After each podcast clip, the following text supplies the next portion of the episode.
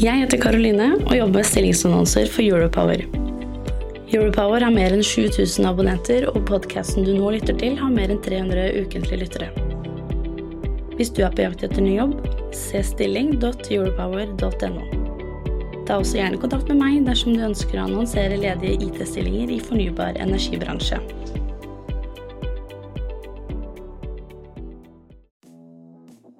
Sendinga er produsert av Europower Partner og er et liveopptak fra Teknologioptimistene, energibransjens IT-konferanse. Sendinga er produsert i samarbeid med konferansens sponsorer. Yes, da er vi på igjen. Eh, med oss nå så har vi Thomas Trøtscher, direktør for eh, data og digitalt fundament i Statnett. Vi har Marianne Blikø, Growth Manager Utilities, Kongsberg Digital. Uh, Jens Haug, direktør produkt og plattform i Embrik. Uh, og vi har Stig Simensen, avdelingsleder FoU og digitalisering i Lede. Uh, har, husker dere den den gikk på YouTube eller Facebook eller eller annet sånt, sånn, der det var en som prata om hvordan man skulle løse problemer, og man endte med at man må skylde på noen eller skylde på andre? Ja. Det, det er sånn jeg lever.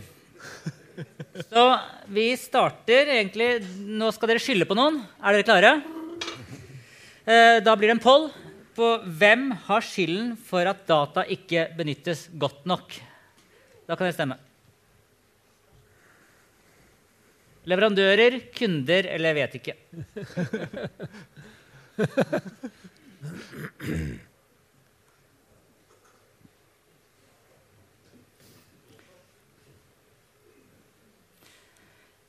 Ja, Da er det kundene vi skylder på i dag.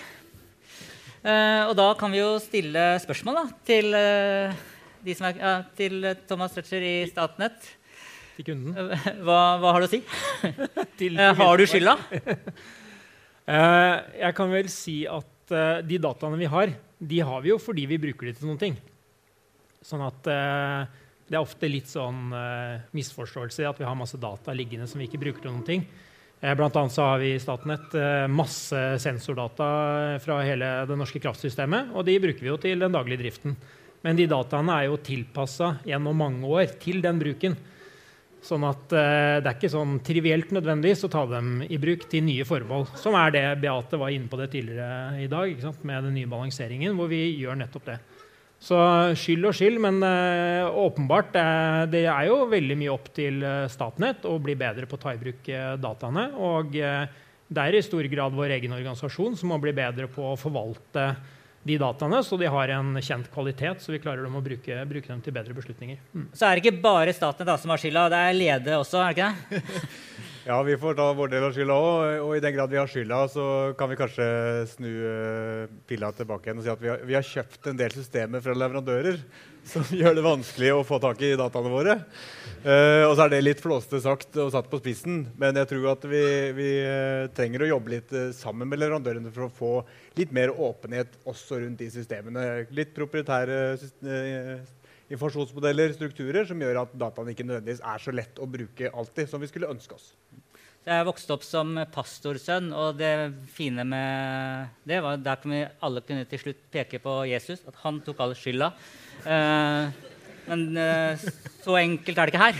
Eh, har dere noe skyld?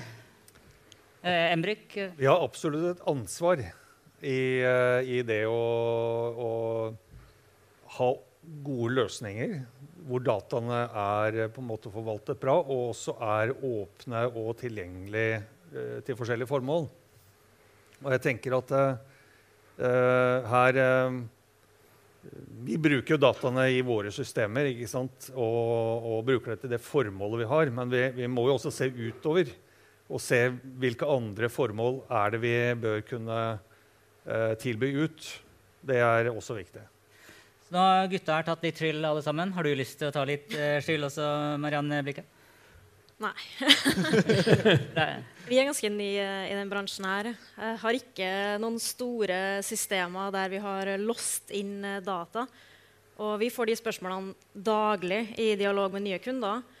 Hva kan vi putte inn, og hva kan vi få ut? Og hvordan får vi det ut? Hva er API-ene? Hvordan får vi brukt de dataene her på tvers av systemer? Så vi jobber veldig for å få til det nå. Når jeg har uh, reist litt rundt og, og gjort den podkasten Teknologioptimistene, så, så, er det veldig mange som sier at det, noe av den store utfordringen til bransjen er uh, teknologiske siloer, og at data ikke deles. Hvorfor deles ikke data uh, nok? Jeg kan starte med, med deg, Stig Simonsen. Uh, ja, Det er et godt spørsmål og noe vi har klødd oss uh, mye på. No, noe av det, altså, Hvis vi skal litt sånn, uh, være litt selvransakende nå, så er det ikke bare fordi vi har systemer hvor dataene er låst inn. Det er liksom en del av det. Men vi har jo ikke vært flinke nok i bransjen til å liksom, bli enige om altså den vitsen som ble tatt av i stad, med, med, at en ny standard fra erstatte 14 blir til 15 standarder. Og, og, der har vi nok fremdeles noe å gå på. Og så skjer det veldig mye bra nå. Jeg har liksom behov for å si at det, det er ikke helsvart. liksom. Vi gjør veldig mye bra. Og vi er på rett spor, men vi må liksom bare gi gass og, og gire opp enda mer. Og Der møter vi jo leverandører, og jeg kan si at det er litt strekk i laget. Det er såpass kan vi innrømme. Noen er veldig klare for å levere, både ta imot og levere data på standardiserte formater. SIM og, og det, det, standardiseringsarbeidet vi gjør gjennom Digin. Eh, men ikke alle er der. Og ikke alle skjønner helt spørsmålet engang. når vi utfordrer på det. Skjønner dere spørsmålet? Det var ikke en poll. Det kan man nikke. Ja. Eh, Thomas Strøtscher eh, i Statnett, hvorfor eh, deler man ikke nok data? Um, ja, jeg tror det er, det er ikke sånn veldig enkelt svar på det. Vi, vi deler allerede mye data med TSO-er. Jeg tror vi har veldig mye å hente på å dele data mer tilbake til resten av nettbransjen i Norge. Statnett har jo systemer som sikkert mange her kjenner, hvor vi samler inn mye data, og så er vi ikke alltid like gode på dele de samme dataene tilbake igjen. Eh, det er, jo en, eh, det er nok en prioriteringsdiskusjon om hva som er, liksom, eh, har vært og, fortsatt er hovedprioriteringene til Statnett. At vi, hele bransjen er egentlig skrudd opp med noe formål og noe lovverk videre, til hva disse dataene de skal samles inn for å tjene en spesiell funksjon. og så bruker man det til det. Og så mangler man kanskje litt dette nye ved å bygge felles plattformer hvor eh, dataene tilgjengeliggjøres, eh, sånn at de kan brukes til mange formål. Så det er helt klart noe som Statnett og hele bransjen må utvikle der. Det er et spørsmål fra salen her. Eh, bør regulator stille krav til leverandører i bransjen om fri tilgang til, sine, til data i sine løsninger? Er det noen som har lyst til å svare på det? Bør regulator gripe inn? Nå kan du bygge nettverk og dele erfaringer med teknologioptimister gjennom hele året. Teknologioptimistenes nettverk består av både kunder og leverandører innenfor IT og fornybar energibransje.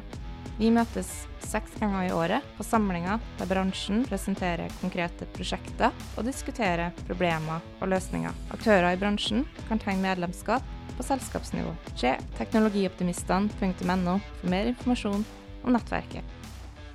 Ja, jeg, det vil si om det at det, det ville antakelig gitt en uh, boost, men så er vel uh, erfaringa også at uh, samarbeid fungerer jo alltid best når det er frivillig. Og jeg tror jo kanskje at man uh, ikke skal liksom, komme med pisk med en gang, men heller prøve å, å samarbeide med, mellom nettskap og leverandør. Pisken i 2024? Ja, for eksempel, da. Vente i hvert fall til da. Vent litt. Ja. Da jeg gikk på scenen i stad, så sa Pia at jeg hadde vært med å bygge et selskap som nå er verdt rundt en milliard kroner. Et software-selskap. Eh, og mange av dere eh, sitter låst med å bruke det, den softwaren. Eh, og da jeg satt i ledelsen i det selskapet gjennom mange år, så ga jeg beskjed om at vi skal låse kunden.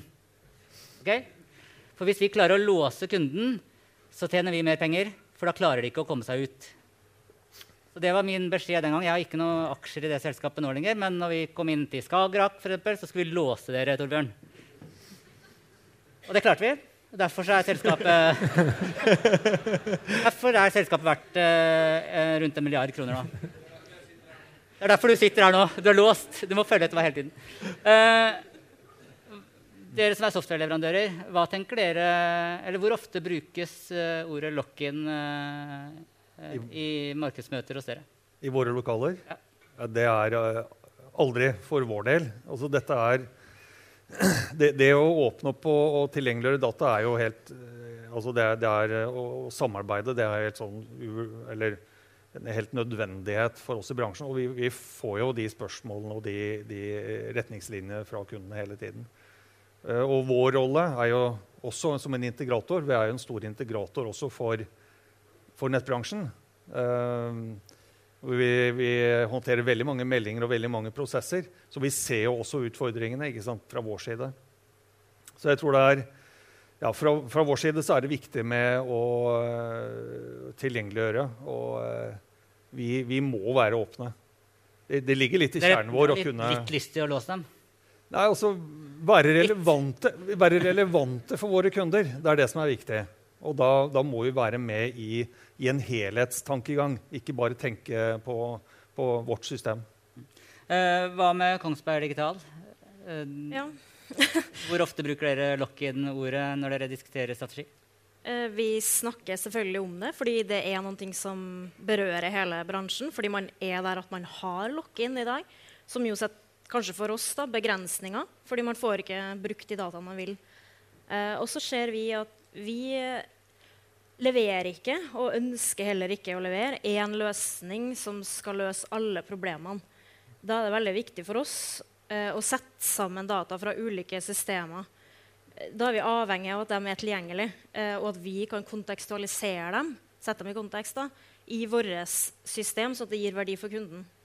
Så, men at de dataene vi har, de vi tar inn, det vi bygger på toppen av det laget, det må tilgjengeliggjøres for kunden igjen for beslutninger.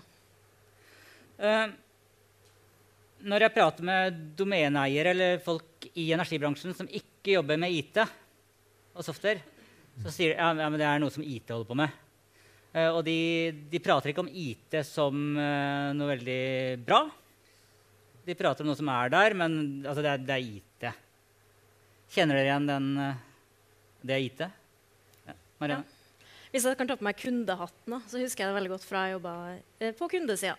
IT-prosjekter var veldig separert fra eh, elkraftprosjekter, for å si det enkelt. F.eks. AMS, AMS-utrullinga.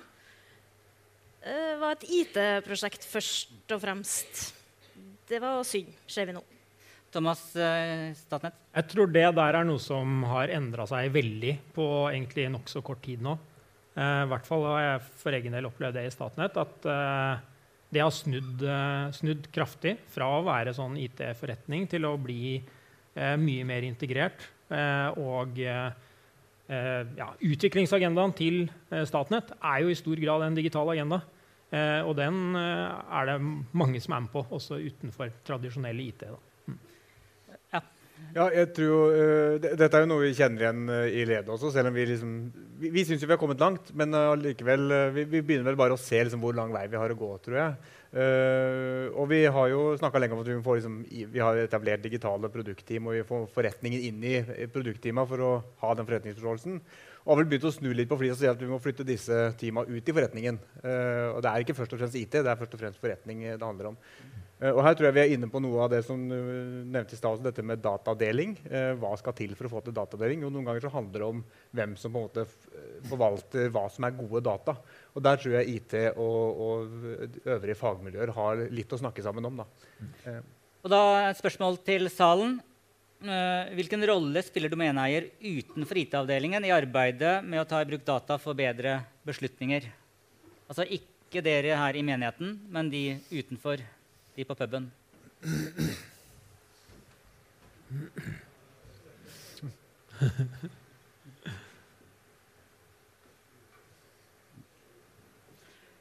Ja. Så da, da, har vi jo en jobb, eller dere, da. Eh, vi kan jo stå her og kritisere dere, men dere har en jobb eh, å gjøre eh, med å få med dere folk der ute eh, på dette datadelingsarbeidet. Nå er det et spørsmål fra sal til, til panel, som flere har stemt opp. Bør man, eh, man, bør vel i større grad anerkjenne og forvalte data som en viktig eiendel. Forsøke å skille data tek eh, fra teknologi og, applika uh, og, applikasjon. Er det for tett bundet sammen? Eh, Thomas? ja, jeg tror det. Jeg tror vi kommer fra en verden hvor software var det viktigste. som man drev med på IT. Og så er vi på vei til en verden hvor det er dataene som er det viktigste. Jeg føler at i stor grad så har man liksom mestrer nå det å lage kode med smidig metodikk, og så mestrer vi ikke helt det å forvalte data. Eh, så det er to forskjellige ting. Eh, I Statnett så jobber vi masse med å få på plass eh, et informasjonseierskap og en dataforvaltning, sånn at man kan ta i bruk data til nye formål. Og det er i veldig stor grad en forretningskompetanse og ikke så stor grad en IT-kompetanse. Selv om det liksom tradisjonelt kanskje tenker det hører til IT. Da. Får dere til? Jeg mener det. Eh, det er en lang vei å gå. Dette er sånn transformasjonsløp hvor man må tenke ti år en, eh, i en bedrift. Eh, vi er kanskje halvveis i det løpet nå. Mm. Hva tenker software-leverandørene? Jeg, jeg, tenker jo at Én ting er jo plattformer, å etablere plattformer hvor man har data og kan se data i forskjellige kontekster. Det er en veldig viktig retning. Og, men jeg tenker at de prosjektene de skal kjøre, men samtidig så må man også være stegvis og, og, og søke ehm, eh, forbedringer stegvis. Og da har man de eksisterende løsningene man har også. Og, og det å integrere og, sende data frem og tilbake til systemer, det er en veldig viktig eh, jobb som eh, jeg tror man kan oppnå veldig gode verdier veldig raskt. Og, så integrasjon og få data ut til der hvor fagpersoner sitter og jobber, å være veldig tett på forbedringer for de, det tror jeg er veldig viktig. Thomas eh, Tretscher? Jeg vil bare si at jeg, jeg synes det, Diskusjonen er veldig som om dette er en sånn tilgjengeliggjøringsplattformdiskusjon. Men min opplevelse av den jobben i Statnett er at det handler veldig mye mer om å få dokumentasjon av de dataene man har, skjønne hva de betyr, eh, overvåke kvaliteten på de, vite hvem man kan spørre hvis man lurer på noen ting om dataene. Få alle de elementene der på plass. Og det sånn at når vi kjøper sånne, platt, sånne plattformløsninger, da, som noen eh, her har vært på scenen i dag og selger, så er det, det er ofte der problemet ligger. Da. Det er ikke den plattformen. Det får vi til. Eh, der ligger i disse kildesystemene, IRP-systemene våre, i SCADA-systemet. Det er der at det er liksom komplekst, og man skjønner ikke helt hva de dataene er, og hvilken kvalitet de har. Da. Og hva, hva, gjør dere for å løse den utfordringen? Ja, det er, Der er vi litt tilbake der jeg var i stad. Det handler om å få de folkene som virkelig sitter i grøten inni de systemene, til å ta et aktivt eierskap og skjønne at disse dataene skal brukes til noe annet utenfor de systemene. Til å gjøre jobben med å dokumentere kvaliteten, eh, til å etablere mm, software som overvåker eh, dataene bare få opp arbeidsprosesser som gjør at hvis det blir oppdaget feil i dataene, så blir det rettet i kilden og ikke hos brukeren. Det er alle disse egentlig nokså enkle mekanismene, men som er sånn tung endringsreise da, i bedriften. Eh, for det innebærer liksom nye ansvar og nye oppgaver for folk som kanskje sitter på sentralen i dag da, og har oppgaver i driften av kraftsystemet. Eh, Stig Simonsen Lede, ja, og jeg tror jo er enig i det Thomas sier her. Det handler om eierskap til dataene. Men så prater vi også om data i kontekst av IT-systemer. Hvordan skal vi transportere de fra det ene til det andre, og hvordan skal vi eh, strukturere det og lagre de. Og så tror jeg vi trenger å øve oss litt på å venne oss til å prate om data som et fagfelt. Hvordan vet vi hva som er gode data? Hvordan skal vi forvalte data som har dårligere kvalitet enn 100 uh, Å bli gode på det også tror jeg er en uh, viktig puslespillbrikke i den reisen på liksom, hvordan får vi det til. da. Så er det spørsmål fra Sal igjen, som får uh, masse likes, er det vel, eller stemmer opp. Er det slik at manglende krav til eierskap, til fri tilgang, eierskap og fri tilgang til data i anskaffelser er årsak til innlåste data? Marianne fra Kongsberg Digital? Tror ikke det er så enkelt heller. Uh, I den bransjen her så gjemmer vi oss kanskje litt bak at det er kraftsensitive data. Da velger vi heller å ikke dele noen ting, og det er det. Det er en kjempeviktig bransje. Kritisk, samfunnskritisk infrastruktur. Sånn at eh, ja, Jeg sier ikke om man skal dele alle data på tvers. Det er veldig viktig også å få fram det er kritisk, men ikke la oss gjemme oss bak den uh, hatten så veldig mye lenger. da. Gjør noen undersøkelser. Hva er egentlig kritisk? I hvert fall hvis vi ser på hvordan andre data vi deler. Hva du finner på Internett da, av uh, data, f.eks. Uh, vi diskuterer hvordan man skal benytte eksisterende data for bedre beslutninger. Uh, og inn i dette så kommer jo digital tvilling. Uh, jeg kjenner jo Kongsberg Digital fra min fartstid i software i oljebransjen. Det er egentlig der jeg kommer fra. Uh, og der var digitale tvillinger var noe man pratet om hele tiden. vi spør Sal. Hvor viktig, vil, ja, hvor viktig er det å benytte digitale tvillinger for bedre beslutninger? enn Pål?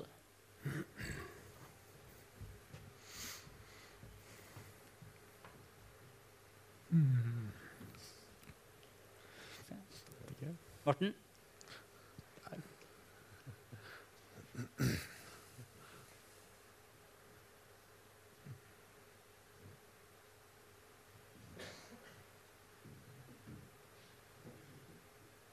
Ja, 63 mener at det er, svært, nei, er viktig. Eh, 28 svært viktig. Og så 9 lite viktig. Eh, Marianne, eh, hvorfor mener dere i Kongsberg Digital at uh, digitale tvillinger kan være en del av løsningen? Jeg syns det er vanskelig at du stiller et sånt spørsmål uten å si hva en digital tvilling er. da. Ja, okay. Hva er det? Nei, Jeg sitter heller ikke med svaret på det. Det er veldig mange definisjoner på hva en digital tvilling er. for noe. Men for oss, og med vår bakgrunn i oljebransjen, der vi er store på digitale tvillinger, så er det en virtuell replikasjon av noe fysisk i en sky, f.eks., som vi kanskje har vært litt innom tidligere. Eh, der du kan gjøre justeringer du kan gjøre endringer og se hvordan det påvirker den faktiske, fysiske eh, asseten din eh, før det skjer eh, en uh, endring. Og så kan du sette på simuleringer, du kan sette på inspeksjonsbilder, arbeidsordrer. Du kan samle alt i denne digitale kopien av det, det du har. Enkelt sagt. Hvis man tar nettet, da. Ja. Hvor, hvordan kan man bruke en digital tvilling for bedre beslutninger der? Ja, vi har jo i vår software valgt å ikke ha det tradisjonelle fokuset på hva en digital tvilling er, som ofte innebærer en 3D-modell. Eh, for oss eh, har vi hatt fokus på lastflyten, for det er det vi mener er det viktige i en digital tvilling. Ha kontroll på hvor flyter strømmen i hele kraftnettet ditt. Når eh, og hvor, og hvordan ser det ut framover i tid. Det er grunnsteinen i vår digitale tvilling. Hvorfor er det viktig framover? Det er fordi det gir en økt innsikt. Det er en plass man kan putte dataen for å få innsikt. Innsikt er svært viktig for å ta de rette beslutningene. Og da trenger man hjelp. Dette blir så komplekst framover nå, med, som vi var inne på helt i første sesjon. Det grønne skiftet, det er ikke-regulerbar kraft. Det er ikke så lett som det kanskje har vært med enveis lastflyt tidligere. Vi har ikke kapasitet med de verktøyene vi har i dag, til å få den innsikten vi trenger. Bruker uh, Lede eller Statnett digitale tvillinger? Uh, vi har jo noe si, forskningsprosjekter på det. Tilbake på det med piloter. Og jeg tror jo digital tvilling kan være svaret på, på noe. Uh, men jeg tror vi må liksom leite litt lenger ned for å finne hva er det som skal til for å, ta, for å utnytte dataene bedre. Jeg tror det handler litt om tilbake på det med kultur. At vi er uh, en bransje som har en, en, masse overbevisninger som vi kanskje burde venne oss til eller øve oss på å utfordre. Og, og leite i dataene på hva, hva er det av våre liksom, overbevisninger som vi kan kanskje teste ut. Det ble snakka her i forrige debatt om dette N-1-kriteriet. Er det, det, er vi liksom, Tør vi, våger vi å eh, leite i dataene for å finne ut er det riktig måte alltid? Eller er det kanskje noen uh, andre varianter? Og Da kan jo digital tvilling for være ett av verktøyene vi bruker da. Men jeg er mer opptatt av at vi tør å, å ta konsekvensene av vi, den innsikten vi får gjennom nye data, enn akkurat hvilke verktøy vi bruker. Bruker Statnett uh, digitale tvillinger? Uh, ja, Det er jo litt sånn definisjonssak, da, men vi har jo et SCADA-system. Det er jo et klassisk eksempel på en digital tvilling. Det er en modell av kraftsystemet som blir fora med sanntidsdata hele tiden, som du kan bruke akkurat sånn som det blir beskrevet her, til simulering og analyse. Og så er jo den der, Kanskje det folk flest tenker på, er jo litt mer denne 3D-modellen eh, av, av, anleggene. Da, litt mer asset-sentriske modellen. Der, eh, der, er vi ikke ennå at vi bruker eh, en sånn type digital tvilling til noen ting. Men digital tvilling burde hete kanskje digitale tvillinger, for jeg tror det fins mange forskjellige. Og ja, vil jeg si, vi bruker noen digitale tvillinger. Mm. Uh, hvis vi er enige om at uh, det er uh, til en viss grad digitale uh, siloer da, i, mellom nettselskapene, eller tek teknologiske siloer, og at vi har en utfordring med å dele data, så jeg har også lyst til å spørre hvor er det vi lykkes skikkelig? hvor kan man si at her bruker vi eksisterende data for bedre beslutninger? Er det noen som har lyst til å gi et eksempel? Ja, altså, Jens Haug? Altså det aller viktigste det er å se når man er et nettselskap, så har man jo nettmodellen. Og det å, å ha sensordata og AMS-data relatert til nettmodellen, det er jo der du får den virkelige effekten. Og det er jo en digital tvilling, og så er det jo grader av hvordan du øh, analyserer og kan simulere av det. Men, men, det er jo veien å gå, i hvert fall hvis vi snakker om kapasitet og fleksibilitet. Um, Marianne?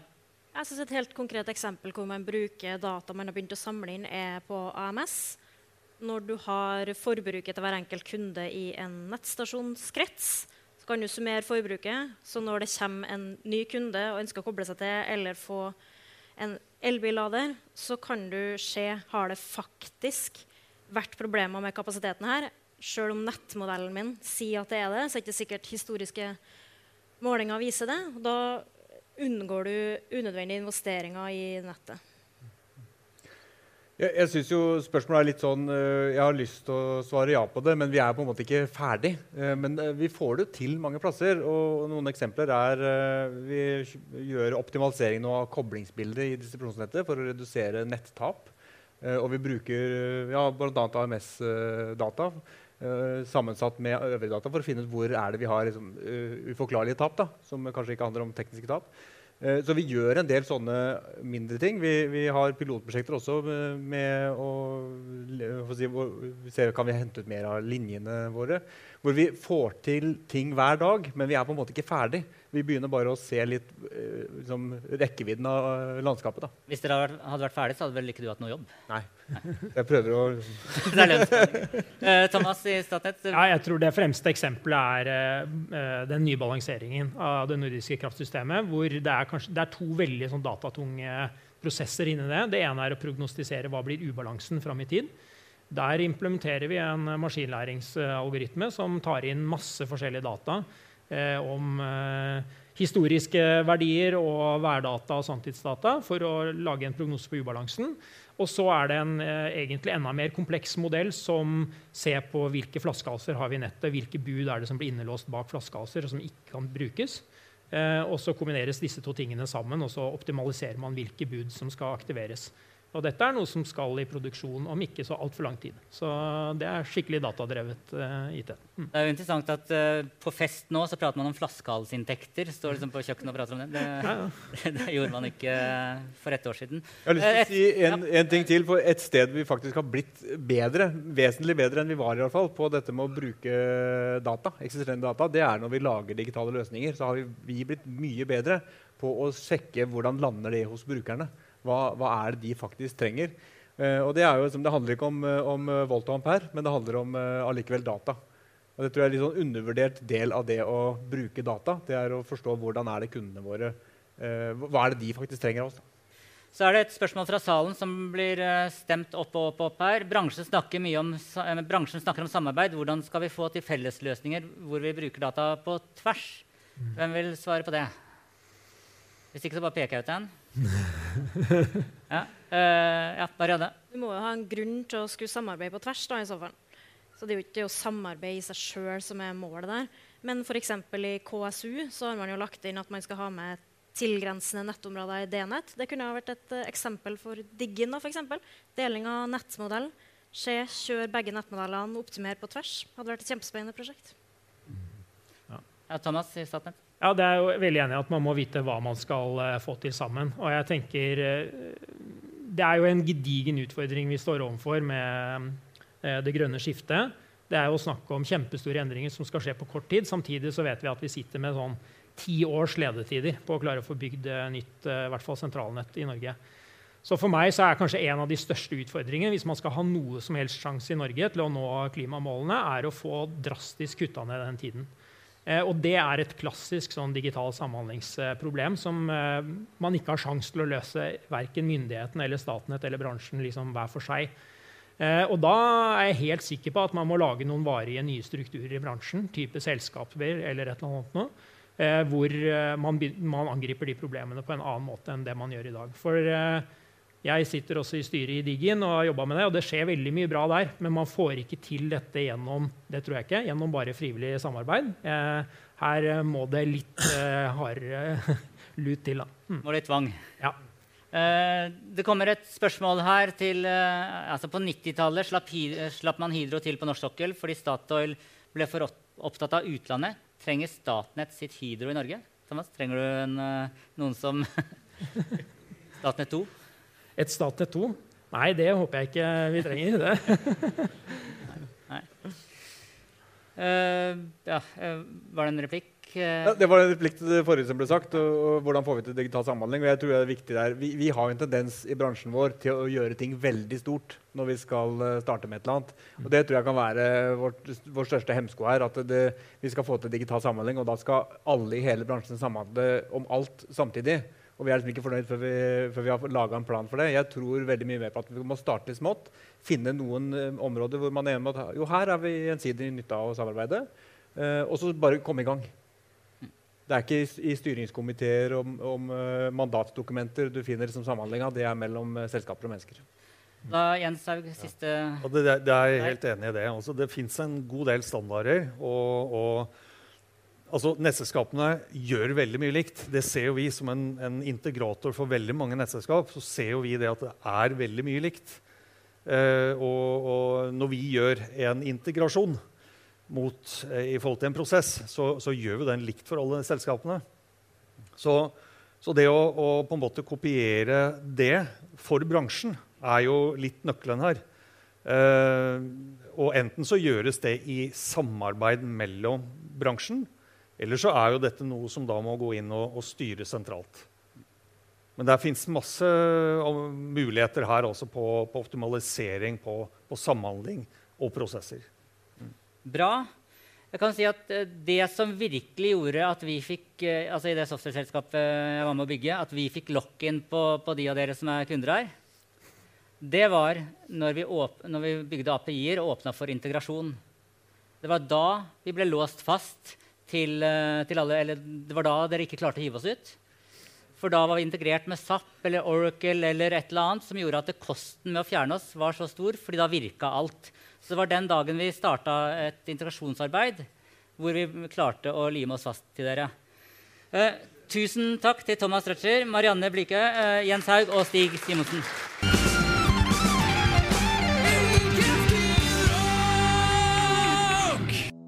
Nå kan du bygge nettverk og dele erfaringer med teknologioptimister gjennom hele året. Teknologioptimistenes nettverk består av både kunder og leverandører innenfor IT og fornybar energibransje.